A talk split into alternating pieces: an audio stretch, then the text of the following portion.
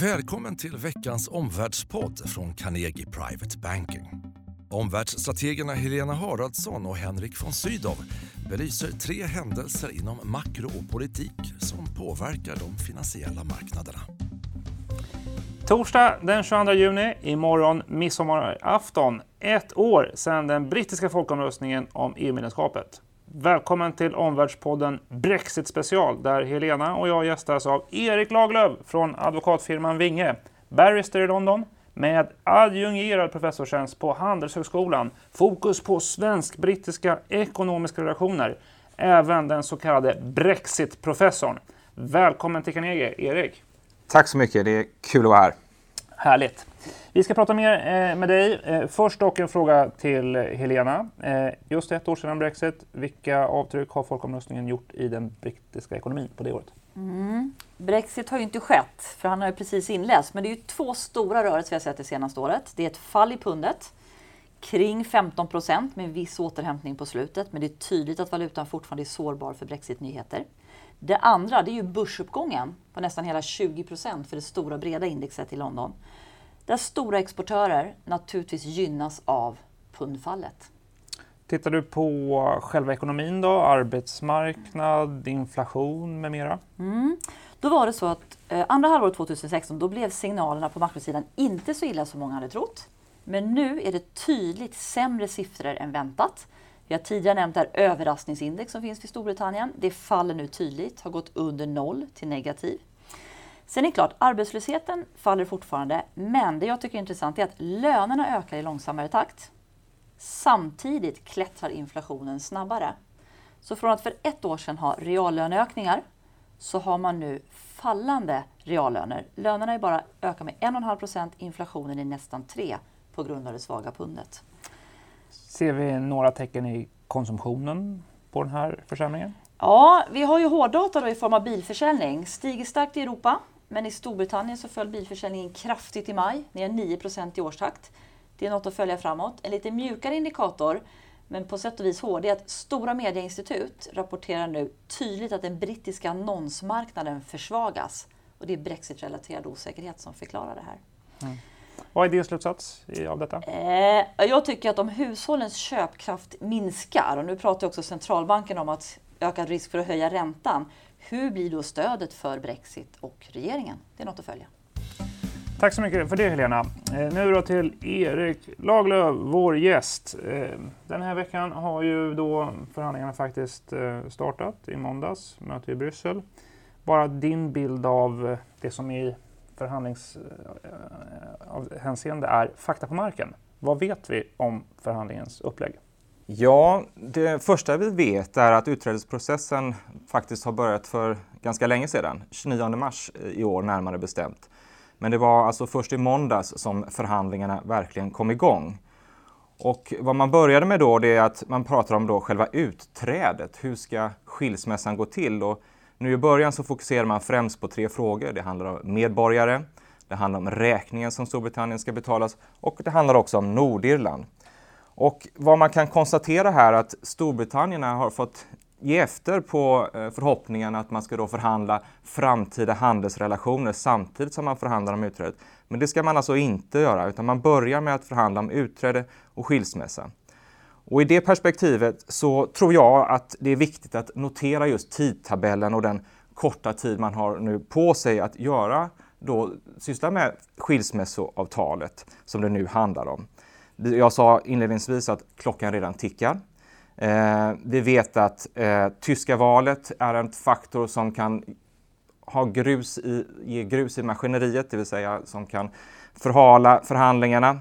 Samtidigt vet vi också att EU har sagt att ja, ett, ett utträdesavtal måste vara klart i oktober 2018 för att det ska kunna gå igenom hela processen i EU för att man sedan ska kunna ge att Storbritannien lämnar EU i mars 2019. Det vill säga man har ungefär drygt ett år på sig att förhandla och det är väldigt kort tid. Men då handlar det alltså främst om själva utträdet, om hur Storbritannien lämnar EU. Världens mest komplexa förhandlingar kallas detta. Eh, de blev inte mindre komplexa efter det brittiska valet förstås. Vad är din bild av vad som nu egentligen är britternas förhandlingsposition?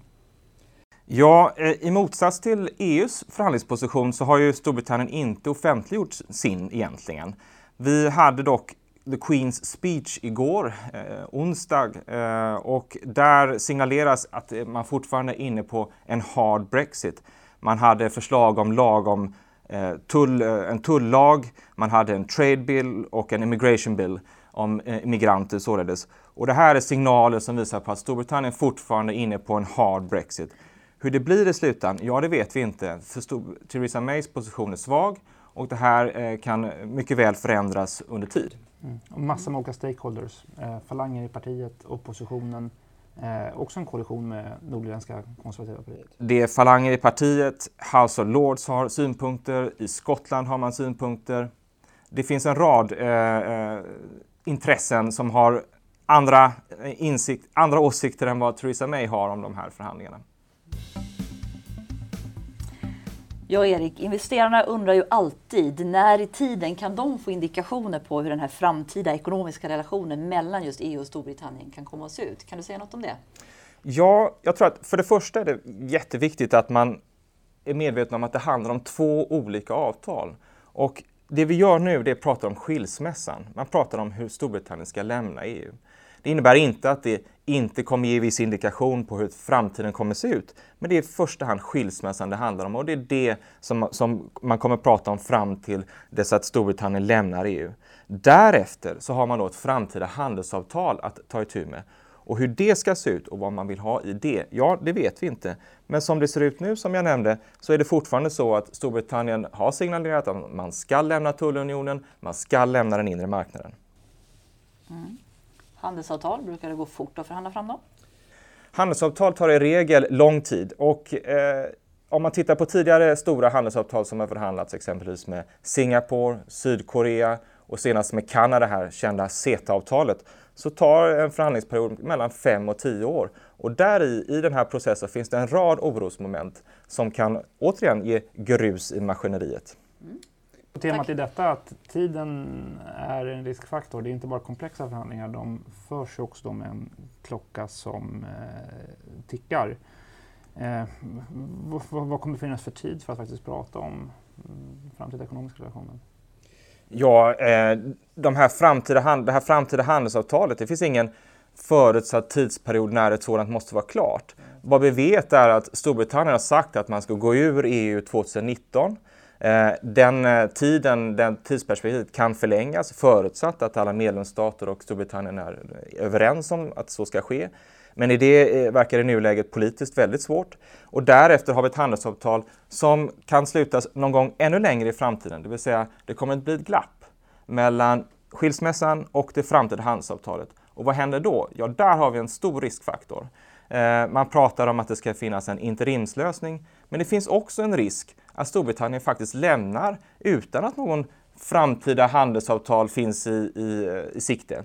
Det kan också till och med vara så att förhandlingarna om ett utträde strandar och att Storbritannien tvingas lämna EU utan något avtal alls. Du är lite inne på det Erik, om du skulle ge eh, scenarios som investerare ska vara förberedda på, vilka skulle du peka på då? Ja, jag tror framförallt att man får vara ganska öppen här. Vi vet inte vad som, eh, vad som kommer hända. Det är volatilt, det är osäkert i Storbritannien. Man får vara beredd på en hard Brexit, men det skulle också kunna bli en soft Brexit. Men vad, vad jag vill understryka är att den här risken för att det inte blir något avt, ut, eh, avtal alls när Storbritannien då ska träda ur EU 2019, ja den finns definitivt. Och eh, det är inget att, eh, det, om så skulle ske så, så är det en rejäl kris, inte bara för Storbritannien utan också för, för EU. Mm. Finns scenariot eh, när allt är så öppet så att säga, man kan förvänta sig, som någon uttryckte i stort sett, vad som helst? Eller också, eller möjligen, ingenting alls? Är det ett scenario? Precis, det är just det som är ett scenario. Och vad händer då? Vad händer om man inte har ett handelsavtal? Ja, det blir givetvis väldigt mycket svårare att handla. handla handel kommer givetvis inte att upphöra, upphöra. Men till exempel att Storbritannien påstår att ja, då faller vi tillbaka på WTO-regler. Ja, det är, det är en osäkerhet i sig. Därför att huruvida man kan göra det, det vill säga faller tillbaka på WTOs handelsregler, ja det är, är juridiskt, om man nu får prata eh, i det perspektivet, svårt att, att förklara hur så skulle kunna ske. Scenariot att britterna tar tillbaka notifieringen och avbryter förhandlingarna? Just nu i dagsläget så är det inte på kartan, men kartan tycks förändras väldigt snabbt. Eh, för lite drygt eh, ett par, eh, för ett par veckor sedan så trodde Theresa May fortfarande kanske att hon skulle ha majoritet i parlamentet för att genomföra sin hard Brexit. Nu är läget helt annorlunda, det vill säga hur läget ser ut framöver, ja det vet vi inte och mycket kan hända. Ja, ett mycket bra samtal Erik, men avslutningsvis Eh, kan du ge oss några slutsatser och framförallt vad ska vi hålla koll på framåt? Ja, det är tre signaler tror jag framförallt man ska titta på och lyssna till. Eh, det första är att Storbritannien och EU har planerat att träffas ungefär var fjärde vecka i konkreta förhandlingar där man alltså träffas.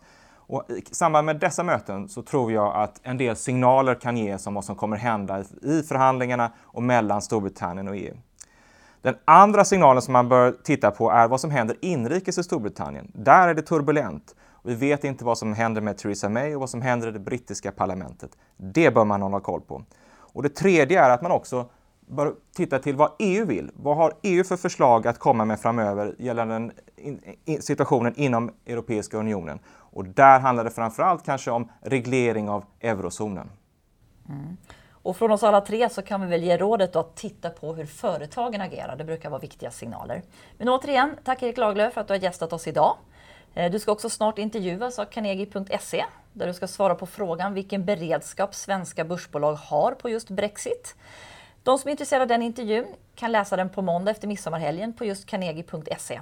Och till dess önskar vi alla en glad midsommar. Glad midsommar! Glad midsommar! Tack för att du har lyssnat på Omvärldspodden från Carnegie Private Banking. Vill du veta mer om vad som händer i vår omvärld och få aktuella idéer till affärer?